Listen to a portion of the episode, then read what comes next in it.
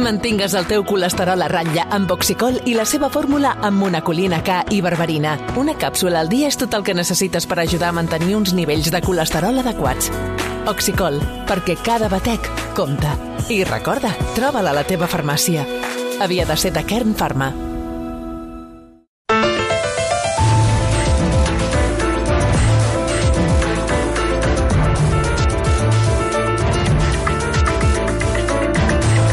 Les 5 de la tarda, 9 minuts. Els 7 nous ministres, es diu aviat, 7 nous ministres del govern de Pedro Sánchez han pres possessió del seu càrrec aquest matí a primera hora i posteriorment han fet el pertinent canvi de carteres, aquella imatge clàssica de la cartera amb un carter avall. Demà ja participaran al seu primer Consell de Ministres 72 hores després que s'anunciés aquest gir, per molts esperat, però no eh, de la, diguéssim, magnitud que ha fet eh, i ha canviat eh, en el seu govern Pedro Sánchez. Ens acompanya a l'estudi de rac el Josep Maria Martí. Josep Maria, molt bona tarda. Bona tarda. Periodista, cronista parlamentari. I avui, eh, des dels estudis de rac a Madrid, el delegat eh, d'aquesta casa, Jordi Armenteres. Jordi, bona tarda. Hola, Toni, bona tarda. Al llarg del matí, doncs, el que dèiem, hem vist aquesta foto, aquest clàssic, el canvi de carteres entre ministres sortins i ministres entrants, un matí que deu haver estat eh, estressant, ja que cada 15 minuts hi ha hagut un canvi i els pertinents discursos de comiat i agraïment. Com, com ha anat tot això, Jordi? Doncs mira, una lletania d'aquelles inacabables que encara no digeries un discurs que ja et començava eh, l'altre i al mig de tot, a més, eh, Pedro Sánchez ha anunciat que demà s'aprova el primer gran projecte eh, per reconvertir el sector de l'automòbil, tot el tema de les bateries elèctriques. Encara no sabem si la fàbrica serà a Catalunya o no. Això s'anunciarà demà, però vaja, en paral·lel, Pedro Sánchez també parlava del, del seu govern com l'impuls necessari per la recuperació econòmica. Remodelación profunda, amplia del Ejecutivo para impulsar la recuperación. Nuestra prioridad, en consecuencia, es la recuperación económica, social y territorial, pues no podemos conformarnos con regresar al punto de partida previo al COVID-19, sino lo que tenemos que hacer es transformar, mirar hacia adelante, ser conscientes de que estamos ante unas transformaciones enormemente disruptivas Diu Jordi que demà sabrem on eh, finalment es posiciona aquesta fàbrica de, de bateries? En principi, sí. Demà s'han de conèixer tots els detalls d'aquest macroplà eh, públic de 4.300 milions eh, d'euros mm. per reconvertir tot el sistema de... Tot, tot el sector de l'automoció, un sector que ha patit molt aquest any i mig de, de pandèmia. Ens falta saber... A veure, per exemple, avui en aquest acte hi havia el, el president de la Junta d'Andalusia, Juanma Moreno, que és del PP, un president que no hagués anat a Moncloa si no hi haguessin bones notícies per Andalusia. El liti de les bateries elèctriques sortirà d'allà, eh, però és un projecte que s'ha batejat una mica com a transversal de moltes comunitats autònomes mm. i el que s'ha d'aclarir és realment eh, quin serà el punt de fabricació, si realment quedarà a prop de la SEAT de Martorell o no. Per tant, creus que demà demà ho sabrem, demà ho coneixerem. Demà ho sabrem, és el projecte estrella del Consell de Ministres. Demà, el, el primer nou Consell de Ministres d'aquesta nova d'aquesta nova fornada de, de, no, de nous polítics que entren a, al Escolta, per Consell cert, de a- Ministres. avui veient les imatges he vist que hi ha molts ministeris, ara no em faig dir quins, perquè eh, com que fan aquest recopilatori eh, de, de ministeris, una, imatges ràpides, però hi ha molts que hi han ministres que han estat pintats. Eh, han estat... Eh, han, No, no, molts no, tots. Tots. tots. Bueno, la pregunta és, ja hi caben tots aquests quadres? Perquè, clar, amb aquestes remodelacions de govern, on, on, on els posen tots sí. aquests quadres? Uh, tots, uh, amb parets, parets, parets i sales i sales i sales. De fet... Però quin sentit té eh, això? De, Els passadissos, eh, Jordi, els passadissos. Perdona que intervingui, però jo també me'ls he vist. No, no, només faltaria. N'hi ha Mira, a l'altre dia... dotzenes. L'altre dia que el Basté va entrevistar l'Iceta, que deu fer 3 o 4 setmanes, no fa més, no? Sí. Uh, L'entrevista la vam fer uh, amb Jordi Basté a l'estudi de Barcelona, però Miquel Iceta era en un dels despatxos del, del seu ministeri. I la seu del Ministeri de Política Territorial és la seu històrica del govern d'Espanya fins que es va inaugurar Moncloa a finals dels anys 70. Mm. Llavors, allà no només hi ha els ministres de Política Territorial i tots els que hi hagin passat, sinó que hi ha els quadres històrics de tots els presidents del govern espanyol des de 1800 i pico. Vull dir que imagina't la de parets que hi però ha el en aquest president, jo entenc que el president, si li faci un retrat, encara es pot entendre, però ministres... Clar, és que ara No, ara no, n'hi ha dotzenes. Es fa, es fa a tots els eh, presidents del govern espanyol, tots els ministres, tots els presidents del Congrés i del Senat i tots els presidents de les altes institucions de l'Estat. Això vol dir eh, Tribunal de Comptes, Tribunal Constitucional, També? Tribunal Suprem, sí, tots, tots. La, la Guàrdia Civil, que va haver-hi una més- polèmica amb aquell director tan contestat que era l'Arsenio Fernández de Mesa, que el primer que va Sí. estar poc temps, però el primer que va demanar és que li fessin un, un retrat. I es va posar una capa i una condecoració que adornava que es veu que només poden tenir-la els que són allò, els guàrdies civils de Socarrer, i van tenir una certa I polèmica. ell no, no? Ell no, ell no, però en canvi el, el quadre continua penjat. Jesús. No, és que a més, a més clar, per fer aquest quadre, eh, I com és- que és una obra pública, s'ha d'obrir un procés de licitació, Jesús. val uns diners, hi ha quadres que surten per 1.000 o 1.500 euros, però hi ha quadres que han sortit per 40.000, 50.000 i 100.000 euros. Què dius ara? Jordi, Sí, sí. 40.000, 50.000 Això euros un quadre, pintar un ministre, eh? Home, Sí. a veure, eh? Doncs et penses que, on penses que van a parar els quartos No, que home, una pagues? cosa, mira, agafa un retratista d'aquí de les Rambles, li dones 1.000 euros i contentíssim. Mm. Perquè, clar, pobres, han d'estar hores i hores per fer un retrat als guiris, però, Per- clar, 40.000 euros, 50.000 euros un retrat d'un ministre, que, a més, qui se'ls mira, aquests retrats? Jo no. Però, escolta'm, una pregunta pel Jordi. El, el senyor Iceta, ara que ha estat en un ministeri, ara n'hi faran dos de, de quadros? Un per un... Sí, clar, evidentment. Ah, o sigui, Iceta tindrà doble quadro. Sí, probablement sí. Oh, però no té ni cap ni, ni Es, centener. es, nota, es nota que Espanya és un país ric, eh? Perquè només amb les... Mira, per exemple, Toni, he, he fet un Google molt ràpid de quanto cuestan los cuadros de los ministros i m'he trobat, per exemple, el de... el de... A veure... No, no, tranquil. El de Felipe González, 69.600 euros. El d'Aznar, 82.600 euros. Però qui ho va pintar, això? El del Rajoy va ser una mica més barat, 20.000 euros. El Rajoy encara, veus, el Rajoy amb això Va ser- va ser- gastava va amb ser altres curós, coses, va ser amb el curós. kitchen, però Sí. amb això no, Sí, no. no s'ho gastava. Bueno, El seguim... a- José Bono al Congrés, especialment car, 82.600 euros. Però és que, esclar, allò no tenia res Però arreglo. qui, quin, la, la pregunta, quin objectiu té aquests quadres? Immortalitzar els ministres? Immortalitzar... Mira, presidents del govern puc entendre-ho, però... Però quina ministres- vanitat, no? És Però a més, si els ministres, quants ministres han passat des de Va, la va, va. democràcia? Quants quadres hi han... Sigui, estan tots penjats, Jordi? Això ho sabem, eh, Martí. que sí, jo entenc que sí. sí, jo crec que sí. Entenc que sí.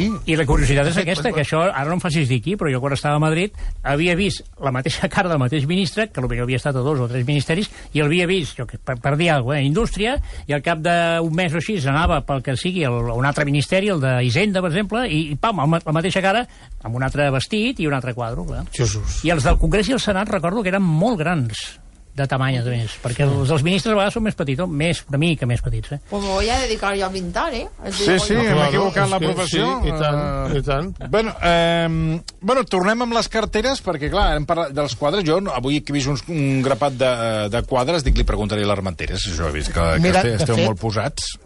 De fet, mira, segurament has vist eh, molts quadres molt apretats, perquè no és allò Sí. que te'n vas al, al Museu del Prado i pots mirar un quadre mm, amb, amb, amb una mica de paret que, que et dona la perspectiva al fons, sinó que són quadres que habitualment estan molt junts. Això es veu molt al Ministeri de la Presidència. Carmen Calvo, que li faran quadre molt aviat, però és que Carmen Calvo ja té quadre al Ministeri de Cultura, perquè va ser ministre de Cultura en el seu dia, i també va ser presidenta del Senat, si no recordo malament, Té en el, en el seu dia. Home, però no total, uh, Carmen Calvo avui marxava... Carmen Calvo, no oblidem que la setmana passada deia que es postulava per continuar el govern de Sánchez i el dissabte Pedro Sánchez li va tallar el cap. Avui marxava amb amor i bones paraules. Este es el traspaso más amoroso de la historia de la política española. Tengo que decirlo con toda claridad. Sí. Félix, el ministro Bolaños es un amigo. Las amistades se forjan en los momentos particularmente duros. Han sido muchas horas codo a codo, teléfono a teléfono, incluso a veces mirada a mirada. Siempre hemos querido ser lo que sabíamos que teníamos que ser, el pilar sobre el que se sujetara nuestro presidente del gobierno. Però, Però- però disculpeu, han Carmen Calvo, disculpeu, colze. Carmen Calvo no havia, de, no havia demanat marxar del govern? O estic A veure, equivocat? Carmen Calvo, Carmen Calvo, tens tota la raó, que ara fa un any eh, va patir Covid, el va patir molt malament, ha tingut algunes seqüeles, mm, a veure, és una persona que ja té una certa edat, i és veritat que ella havia expressat que potser li havia arribat el moment de jubilar-se i ell en alguns cercles petits eh, havia dit que amb, amb tot el tema de la malaltia del coronavirus eh, les seves prioritats a la vida havien canviat. Però vaja, sabia que això era una feina temporal i la setmana passada, quan se li va preguntar públicament, ella va dir yo estoy al servicio del presidente del gobierno y claro que sí, que estoy aquí para continuar toda la legislatura. Per tant, Carmen Calvo, És veritat. mm, no, no és com jo havia llegit en alguns llocs, que ella havia demanat a Pedro. Sánchez no continuar. No. Fa temps, però ara no sembla que ara no. Per tant... En... Correcte. Que ella s'hi posava bé, ara, vaja. Sí, sí, no, no, és contradictori del que jo tenia, en aquest cas tenia pensat, Ara o sí, no havia llegit, no. de que ella no volia continuar. Per tant, ella volia continuar, però no continua. Le damos un fuerte aplauso Exacte. y dejamos que se vaya. Aquí més... Qui el donat- substitueix? No, qui el substitueix? Bolaños. Mm, recordeu les paraules d'amor de, Cal de Carmen Sí. Calvo? Bolaños, que és el seu fidel escuder. De fet, eh, per exemple, el trasllat de Franco del Valle de los Caídos al cementiri del, del Pardo el van gestionar plegats. Hi ha molts temes de memòria històrica que ho han fet plegats. La llei de memòria històrica que demà s'havia d'aprovar al Consell de Ministres era el gran projecte estrella de Carmen Calvo i de moment queda ajornat. Mm, Demà la prioritat és demostrar recuperació econòmica hem explicat el tema dels cotxes. Bolaños fa una frase mm, que té molt a rumiar quan algú coneix el poder. Las veces que he pensado y me he alegrado de no ser ministro. Unas cuantas, claro, claro. Eh, pero estas cosas ni, ni se deben pedir ni se pueden rechazar. Uh, Fèlix Bolaños, uh, pel gran públic no és conegut, però és algú que fa 3 anys que és secretari general del Departament de Presidència, o sigui, està per sota d'Ivan Redondo. Els periodistes el coneix sobretot. Sabeu allò que a vegades expliquem, que hi ha una nova llei que ens fan un briefing a Moncloa? Doncs Fèlix Bolaños és qui fa aquests briefings. Ens va fer, per exemple, el briefing del trasllat de Franco, ens va fer el briefing dels indults al costat del ministre de, de Justícia, on ens va fer tots els briefings de l'estat d'alarma. No oblidem que quan s'aprova el primer estat d'alarma, el mes de març, aquella tarda de dissabte, que no hi havia cap secretari d'Estat, que no hi havia cap escrivent, que no hi havia ningú que fes anar ordinadors, hi havia Fèlix Bolaño escrivint amb, amb, amb la seva lletra, amb, amb un ordinador, òbviament, però, però ell mateix eh, el decret d'estat d'alarma. Vull dir que és, se l'ha considerat l'arquitecte del govern de, de, de Sánchez i ara accedeix eh, a ministre, un ministeri que habitualment passa desapercebut perquè es diu Presidència, Relacions amb les Corts i Memòria Democràtica, però al final és, és, és un dels més importants perquè és el que els coordina tots. Bueno, qui més? A veure, uh, Iceta, no? Iceta, protagonista doble. Primer perquè deixa el Ministeri de Política Territorial... Que li ha durat, perdoneu, li ha durat, li ha durat dos dies. Aquí sí que m'agradaria fer una, una, un altre incís. Sí. Uh, Josep Maria Martí i Rigau, uh, com és que li ha durat tan poc, aquest uh, ministeri?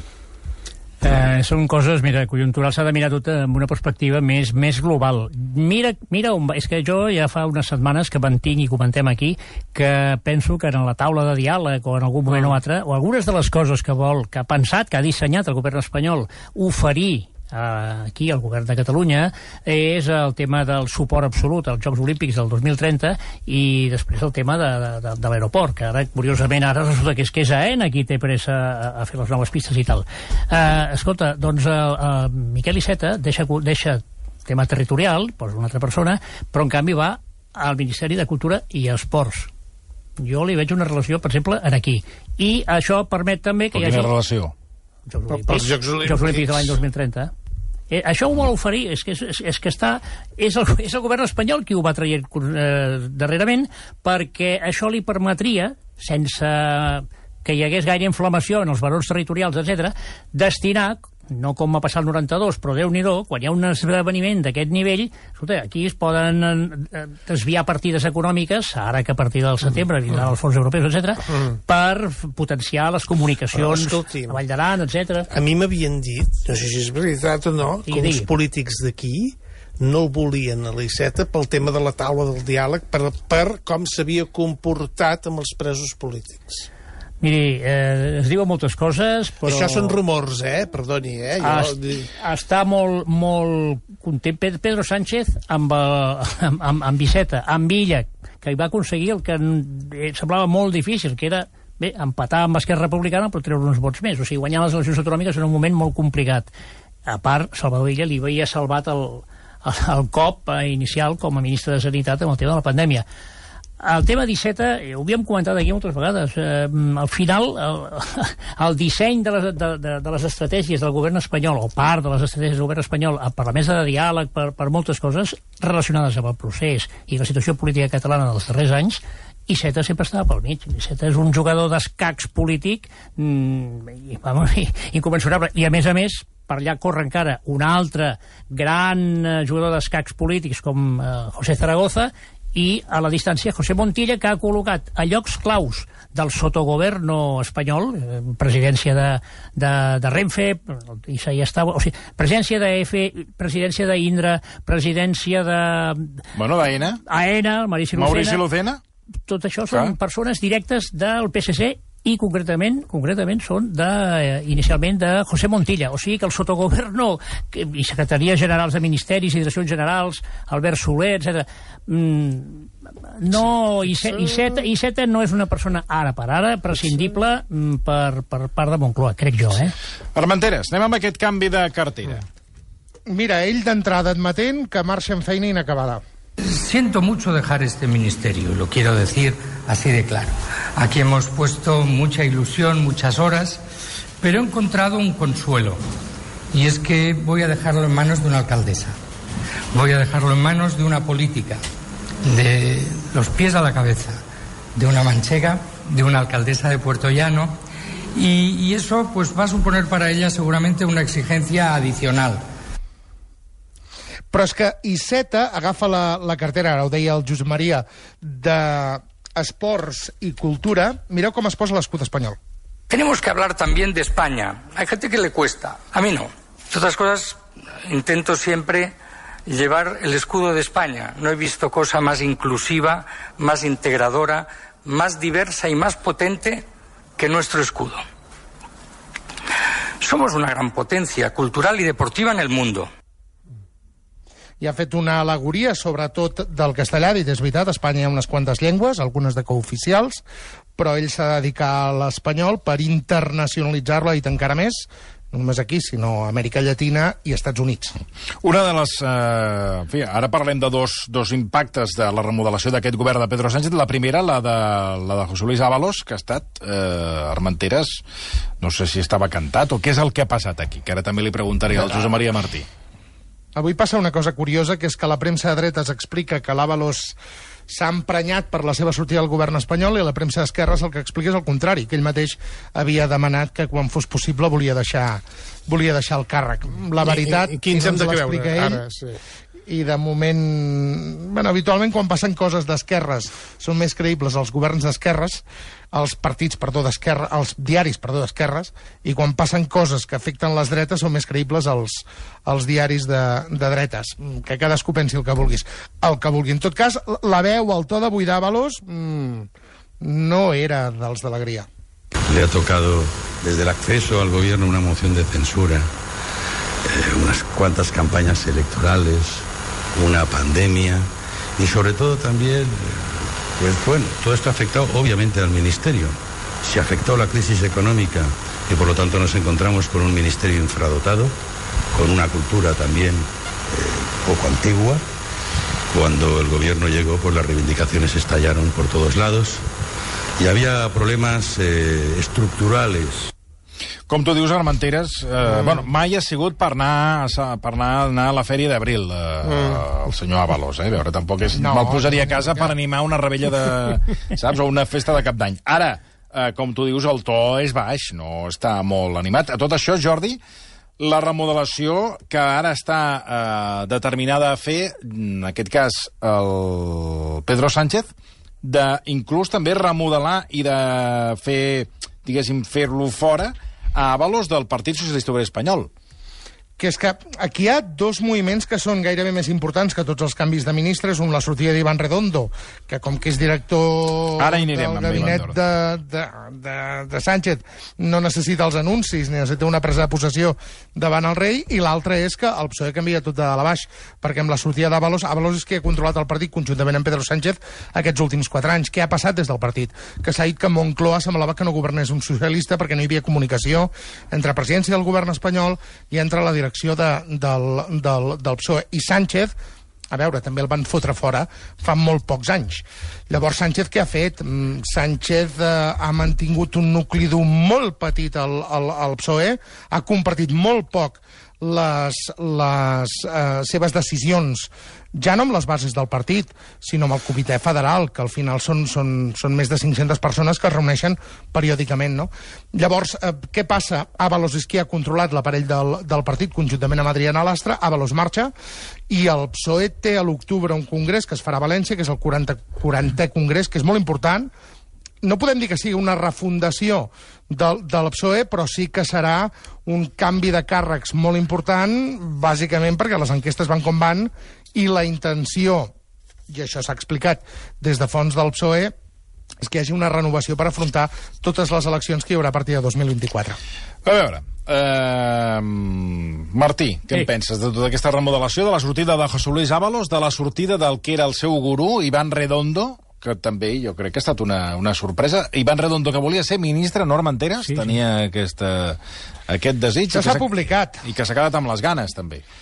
A veure... El que passa que el, el missatge de comiat és, és curiós de l'Ivan sí. Redondo, perquè diu, en política s'ha de saber sí. Eh, guanyar i perdre, però sobretot s'ha de saber parar. Què vol dir? Que ha parat ell? No, no ho diu tampoc, no? Mm. A veure, quan, quan algú en situacions com aquesta que, que, que hem viscut avui, diu, no, no, és un cessament o un, un relleu a petició pròpia. Normalment no és a petició pròpia. Això passa... Eh, en aquest, mentre estava el Jordi Esmanteres ara comentant això, m'he recordat eh, quan Miguel Ángel Rodríguez, un, jo estava allà a la sala aquella de la Moncloa, amb un, al final d'un Consell de, de, de Ministres, i eh, quan acaba, les preguntes, diu, bé, el Miguel Ángel Rodríguez, el Mar, el gurú, el que ara és el gurú d'Isabel sí, Díaz sí. Ayuso. Diu, eh, havia tingut l'escàndol aquell de les caniques, aquella cunyeta, aquella brometa que va fer sobre les seleccions catalanes i va dir, bueno, a lo mejor los catalanes se conformarán con una selecció de canicas i tal. Uh, com que Aznar es recolzava amb Jordi Pujol i amb, i amb, amb la minoria catalana, amb Convergència, uh, va exigir el seu cap i va caure. I era cantat que el cessarien. Doncs ell va sortir, és el relevo que he pedido, uh, uh, lo he pedido yo a petició pròpia, tal, oh. i és que no, qui s'ho creu? Ningú. No s'ho creu ningú, però va així, clar. Ara, Ivan Redondo jo crec que ha fet... Eh, el PSOE, mira, fa un mes o així vaig estar per Madrid i vaig preguntar, escolta, i ara com, com això del Moncloa, com va i tal? I em van dir, mana, o sigui, només només hi ha dues persones que suporten entre elles, que són el, el president Pedro Sánchez i l'Ivan Redondo. No, això que comentava el Jordi també, no comuniquen en els ministeris, no només amb l'Avalos. Tot, tot, tothom es queixava. La Carmen Calvo, eh, tinc entès que tenia unes discussions galàctiques amb l'Ivan Redondo. Molta gent del PSOE no li perdonava a l'Ivan Redondo que, que no era una persona del partit, que era una persona que era un professional. Bueno, I, sí, va estar, va estar, va estar, va, va estar amb... Uh, amb l'Albiol. Amb, exacte, amb, Xavier García, amb Xavier García Albiol, a la candidatura aquí a Badalona. Exacte. I al Monago, el I, president, ah, el president d'Extremadura del PP, el, ah, el va fer també. I ara estava amb Pedro Sánchez. Clar, és un, un professional que es ven, deien els del PSOE, se ven del mejor postor. Bueno, eh, mira, dona una interpretació que vulguis. Bueno, pues que no se'n vagi Iván Redondo, se'n vagi ara amb la mm. campanya, amb la candidatura de Pablo Casado. Tot és possible. Però fa, fa poc, fa poc, han passat unes, uns esdeveniments polítics que, que, esclar, que ah, era el moment, era el moment i Pedro Sánchez ara tampoc podia continuar la segona part de la legislatura amb, amb el mateix, sense tenir la confiança del partit. Havia aconseguit guanyar havia aconseguit que no guanyés Susana Díaz a les primàries d'Andalusia, que és més important que no guanyi Susana Díaz que no que, que, que guanyi el que va guanyar, que era el seu candidat, i van passar dues coses que va ser realment un, un error, una falta de previsió, el que sigui, i és clar, aquí llavors ja la figura d'Ivan Redondo quedava molt tocada. I va ser, primer, la, la moció de censura de Múrcia, fallida, que al final no va, no, no va ser, però aquí el PSOE va jugar de seguida, les coses no, no, van, no van al revés, qui, qui va sortir beneficiat no va ser el PSOE o les esquerres, sinó tot el contrari, però és que això el que va permetre és la, la jugada d'Isabel Díaz Ayuso, i aquí sí que els resultats, noi, eh, van, fer, van fer pupa en el PSOE i a les esquerres. Aleshores, això, fix, fixeu-nos també que Pablo Iglesias en el seu dia també... Pa, o, sigui, o sigui, allò que ara Jan Laporta di, va dir quan va prendre possessió de president, va dir en el Barça, un entrenador que no guanya, això té conseqüències.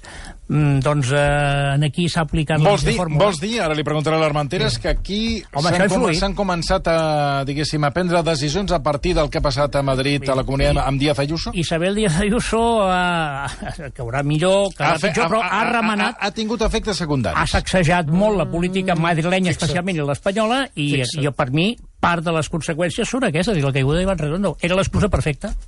Armenteres, Totalment, de eh, fet, digues, digues, fixeu-vos en un altre, amb un altre element, que eh, qui pilota, qui comença a negociar tot el que passa a Múrcia inicialment és José Luis Ábalos, que és l'altre ministre que cau d'aquest Consell de, de Ministres. Parles de la moció de censura amb Ciudadanos, no? Sí, sí, sí, de Múrcia, eh, Sí, la sí, moció sí. de censura que acaba desembocant en tota tot, la resta sí. de problemes. I, i allà eh, qui fa les primeres negociacions, qui fa les primeres converses, és, és veritat que tot això és una maniobra eh, muntada des de Moncloa amb Ivan Redondo com a gran ideòleg, però qui l'ha d'executar és José Luis Ábalos com a secretari d'organització socialista. Llavors, no només mm, el fan fora o plega del Consell de Ministres, sinó també del, del partit com a secretari d'organització. I llavors, quina és la feina del secretari d'organització? Doncs muntar les primàries d'Andalusia. Qui les ha muntat? No és Ábalos. Era el seu número 2, que ara es queda eh, com a número 1 provisional per sota de l'Astra al capdavant del PSOE en aquests propers tres mesos. O sigui, eh, Ábalos tenia la derrota de Múrcia i, en canvi, la victòria de Juan Espadas a Andalusia, derrotant a Susana Díaz, no és d'Ábalos, sinó que és del seu número 2. I aquestes són les eh, d'aquí les decisions de Pedro Sánchez que demostra una vegada més que no es casa amb ningú. No, però Madrid, Ma- Madrid sí que fa mal, el, el resultat de Díaz d'Ayuso fa mal, i a mitja, a mitja campanya electoral mm, és quan, tinc entès, eh, tu estàs a Madrid i tens més, Jordi, tens més, més, més visió més propera, però diuen que, que en el- en Gavi- l'Àngel Gabilondo, clar, a, a, a mitja campanya o mitja precampanya diu, no, aquest candidat ja no em val, perquè, o sigui, que es desmarca, digués que el candidat que heu triat és molt dolent. Bé, però és que inicialment qui dissenya la campanya i l'estratègia de Madrid és també eh, Ivan Redondo, tinc entès, eh? Sí, totalment, però és que a més amb, amb Ángel Gabilondo va passar una cosa que és molt lletja, que és que eh, inicialment es va filtrar que no seria candidat, això es va filtrar des de la mateixa Moncloa i des del mateix eh, PSOE, de fet, a ella, Gabilondo, feia mesos que ja se l'anunciava com a candidat de Sánchez a defensor del poble. De cop i volta et convoquen unes eleccions i tu no tens candidat i tu no has fet una feina que és renovar el teu partit i, i, i, i renovar càrrecs en una federació del PSOE de Madrid que, que fa 25 anys que no, que no, no té cap bon resultat, que, que no aconsegueix remuntar el, el vol. Llavors, aquest, aquest, això és el que passa després l'endemà de les eleccions, quan Gabilondo, el dia de les eleccions, diu que ell assumirà la seva responsabilitat mm, agafant l'escó i l'endemà de cop i volta es filtra des del mateix PSOE que no l'agafarà.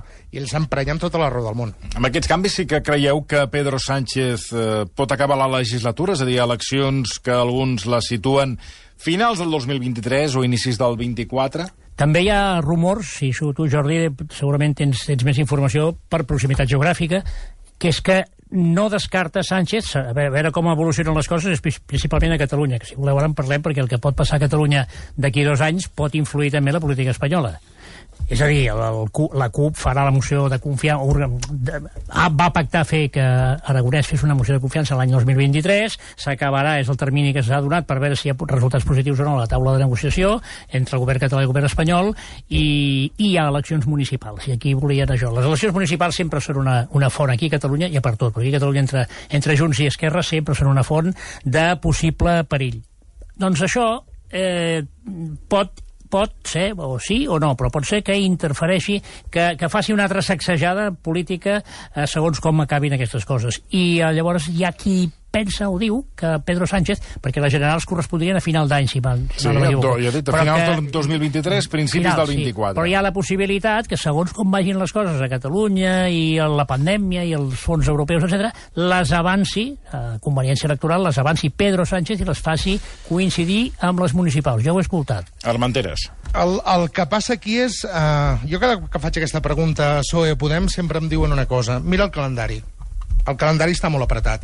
I, de fet, el, el que responen és que la intenció en aquests moments és no només esgo- esgotar la, la legislatura, sinó allargar-la. O sigui, fer més dels 4 anys. I això legalment és possible, perquè tu fas 4 anys de legislatura, però llavors en paral·lel hi ha tot el temps de, de, de convocatòria d'unes eleccions. Per tant, quan es compleixin els 4 anys a finals del 2023, no és quan hi hauria eleccions, sinó que aniríem al febrer del 2024. Per què? Perquè segon semestre de 2023 Espanya és presidenta de torn de la Unió Europea. I... Llavors, Ah, perdó, perdó. el calendari internacional, eh, l'any que ve hi ha el tema de la cimera de l'OTAN, això vol dir que, que Pedro Sánchez serà molt protagonista en, a nivell internacional. Una cimera de l'OTAN que dura dos dies, la importància no és aquells dos dies que et venen tots els mandataris a, al teu país, en aquest cas serà a Madrid, en aquest cas hi haurà Biden i tots els presidents europeus i de tots els països de, de l'OTAN, però és que la, la importància no és que et vinguin dos dies allà, la importància és que el mitjany anterior, tu com a president espanyol, que, que, que ets l'anfitrió d'aquesta cimera, doncs et vas reunint amb tots. O sigui, hi haurà d'haver trucades entre Sánchez i Biden, i entre Sánchez i, i la substituta o el substitut de, de, de Merkel, i, i amb Boris Johnson, i amb tot. Llavors, eh, prens molt protagonisme internacional. És la gran cita internacional pel govern espanyol de l'any que ve. I si això ja és important, imagineu-vos una presidència de torn de la Unió Europea, que és que cada setmana te n'has d'anar a un país o cada setmana et ve algú d'un país a, a rebre't. Això vol dir una, una agenda internacional mm, on, on el teu país, suposadament, i el teu càrrec assumeix molt prestigi. I això, el que sí que deixa clar l'equip de Sánchez, és que Pedro Sánchez no s'ho no vol perdre de cap manera. I això és segon semestre, per tant, de l'1 de juliol al 31 de desembre de 2023. És la campanya electoral a nivell eh, organitzada a nivell internacional. Perfecte. Sí, sí. Ah, llavors, no, jo, mm, lligant-ho amb tot això, també volia dir que ara, a la Moncloa, el nucli dur ha canviat completament, i això és important. Hem parlat, hem parlat de Félix Bolaños abans, Sí. i és veritat. Ministre de la Presidència, com deia bé el Jordi, és qui porta el govern, qui els coordina. No, no apareix massa, però és qui els coordina. Però és molt destacat per mi també el nomenament d'Òscar López, que estava a Paradores, perquè aquí, quan hi ha un canvi, sempre, ja ho hem parlat moltes vegades, sempre van a Operadores o Renfe, o sigui, a, a l'atur no s'hi solen quedar aquests. Però l'Òscar López serà el nou cap de... És, ja, vaja, el nou cap de gabinet, de, de gabinet. I és una persona de, de, del president del govern. I és una persona que havia estat amb Alfredo Pérez Rubalcaba. És una altra, una altra tocada, clocada d'ullet en el, en el És, PSOE. és un canvi de cadires, és allò, de, és allò que van girant per les cadires... i Bueno, però alguns pugen, això és com la borsa, alguns Sí, pugen sí. i alguns baixen. Exacte. Sí, però no perden pistonada, no n'hi Però ha és que ningú alguns que ho han res. definit com el, alguns ho han definit com el retorn del PSOE a Moncloa. Ah, exacte. de l'essència de, de la PSOE Mm. d'aquests últims 40 anys. I el tercer, Però al el final l'Òscar tercer López nom... era secretari d'organització del Exacte. PSOE en aquella etapa de Rubalcaba. I el tercer, i el tercer nom també d'aquest retorn del PSOE a, a, a la Moncloa, eh, jo crec que serà molt important, és, és el d'una persona que és jove i que ve de la- del- del- de l'Ajuntament de Portollano, que és Isabel Rodríguez, que serà la portaveu la portaveu del govern. Per tant, aquests tres noms, Félix Bolaños, eh, Òscar López i Isabel Rodríguez, mm, són el, el nou nucli dur nou nucli dur de Moncloa i, El de, que- Pe- i de Pedro Sánchez. El que queda clar, eh, Armenteres, és que mm, a Pedro Sánchez no li tremola la mà a l'hora de tallar caps i de, i de, fi- de protegir-se ell mateix, no? O sigui, no... Quan ha calgut, tot i que José Luis Ábalos ha fet tot un seguit de feina, eh, bueno, l'ha- deixat fora, i l'Ivan Redondo, que li va demanar, pel que han transcendit alguns mitjans, li va demanar un ministeri, ni ministeri ni res, a la calle. És a dir, que... que i, i, I també amb el cas de Carmen Calvo, no? És a dir, que no té que mira per ell i que no té No manies. es posa cap pedra al fetge. Hi ha qui diu per Madrid que no se li pot donar l'esquena. Exacte. Que la que, no, exacte. Aquest matí ho comentava amb Basté, que, el, que et gires, eh, si li dones l'esquena, corres perill. Això que és que... Eh, El mateix. És, és, és, eh, té, té anomenada Madrid, això de que Pedro Sánchez és poc de fiar. Sí, a més, bueno, tant de poc fiar no, eh, A imprevisible nivell sí. polític, a nivell polític, parlem. Però, mi- mira, jo em quedo amb un, una història que explicàvem ahir al Via Lliure, el, el dissabte, quan comença a consumar-se tot sí. el canvi de govern. Eh, vaig parlar amb una, una de les fonts que tenim a Moncloa a, a, a RAC1, amb algú que habitualment, doncs mira, mm, t'explica coses, uh -huh. i, i li vaig demanar eh, que em definís amb una paraula tot el terratrèmol que teníem per endavant. I em va dir, eh, la palabra ja l'has dicho tu, és un terremoto, i aquí també lo és, perquè no nos lo esperábamos. I llavors eh, eh, em va dir, com a frase em va dir sorprendente. Però em quedo més amb una altra idea, que és Pedro Sánchez se ha sacado otra vez otro conejo de la chistera. Um, amb, amb la idea de uh, quan veu que una cosa va mal dada, i um, això es referia en aquests moments a enquestes, amb una posició molt forta, amb unes crítiques molt ferotges per part de PP, de Vox i de Ciutadans, que va, va canviant de bàndol, però que, que fa un mes i mig ja Arrimadas ja torna a estar anti-Sánchez totalment, després d'haver fet aquella amago de, Sí. de pactar amb, amb Múrcia, no? Um, total, mm, tenim un nou, un nou, un nou conill que surt del seu barret, sí, sí, sí. que s'alimenta ell i a partir d'aquí a remuntar el vol, i ho ha fet moltes vegades, perquè la memòria política a vegades és curta, però si, si, en, si ens mirem la trajectòria de Pedro Sánchez d'aquests últims 10 minuts, n'ha passat de molt canutes i se n'ha sortit de moment amb el cap ben alt. Per això et pregunto, eh, tot això és obra seva? És dir, És el seu magí que rumia tot això? O té algun assessor, alguna persona que l'ajuda molt íntimament de prop? Deien Ivan En Redondo, principi és Bueno, sí, sí, però perquè- que, perquè a veure, Redondo la defenestrat. no? Aquest Ja, ja, dios, ja, ja, aquest- deien, deien abans. Sí, deien, però mira... A veure, podem donar per fet que això ho ha pactat tu amb Fèlix Bolaños, perquè eh, és el seu gran home de confiança per sota d'Ivan Redondo d'aquests últims anys. Ja l'he dit, els periodistes l'han batejat com a, com a arquitecte del govern espanyol, perquè per, per, per, per sobre dels ministeris hi ha coses que han de passar per Moncloa. Mm, a veure, al final hi ha tots els ministeris, però és que més Moncloa també té eh, uns, uns ministres a l'ombra i uns responsables de diversos departaments, un director d'oficina econòmica, un director polític, mm, un director de gabinet que mana més que molts ministres. Llavors, mm, amb Fèlix Bolaños, òbviament, això això s'ha pactat. Mm, Avui llegia al País que eh, Pedro Sánchez la setmana passada a la gira bàltica, doncs mira, entre avió i avió hi havia nits d'hotel i suposo que, que no tenia la família i tot plegat, doncs va tenir temps de donar-hi voltes amb això i Fèlix Bolaños és al seu costat. Fèlix Bolaños sempre va als viatges eh, oficials del president espanyol mentre era eh, secretari de presidència. Com vostè diu... I amb Òscar López, clar. Com I vostè diu, senyor Òscar Marcelí, López- Cantaret nou... Fa l'aigua Fa fresca. l'aigua fresca. Per tant, eh, està clar que és el nou home de confiança, Félix Bolaños. I Òscar López, com deia ara ell Ah, també. exacte, que l'ha recuperat. Sí, sí, no, i ells... M'agradaria afegir, suposo que estem ja a punt Sí, d'acabar, per acabar, sí. però m'agradaria afegir que eh, ha confiat Pedro Sánchez i el seu nucli al- a l'anterior i, i suposo que l'actual també, que al setembre, la- setembre-octubre la cosa pot eh, canviar molt, per això ha fet el canvi ara, se sabia que seria abans de l'agost, però va, per què? Perquè els ministres estaran més rodats, perquè començarem ja a repartir, de fet, ja, ja avui hem tingut un aperitiu també, venen fons europeus, començarem a repartir per aquí i per allà, Mhm. i això sempre, sempre és positiu i agradable, i tot això, evidentment, envoltat amb que previsiblement haurem millorat de la pandèmia. Aquestes Lluvia són les tres coses que pensa el Pedro Sánchez a curt termini. És que el tema de calendari és molt important, perquè el proper ple del Congrés ordinari no és fins a la segona setmana de setembre. Llavors, clar, tens eh, set ministres nous que comencen a rodar en els seus ministeris, que tenen dos mesos per posar-se les piles, perquè l'estructura ministerial hosti, és complicada. Mm, és, és, és una, són uns organigrames eh, molt densos, amb, amb estructures molt feixugues, on hi treballa moltíssima gent. Llavors, si tu tens dos mesos per rodar-te, com a mínim et fas el càrrec.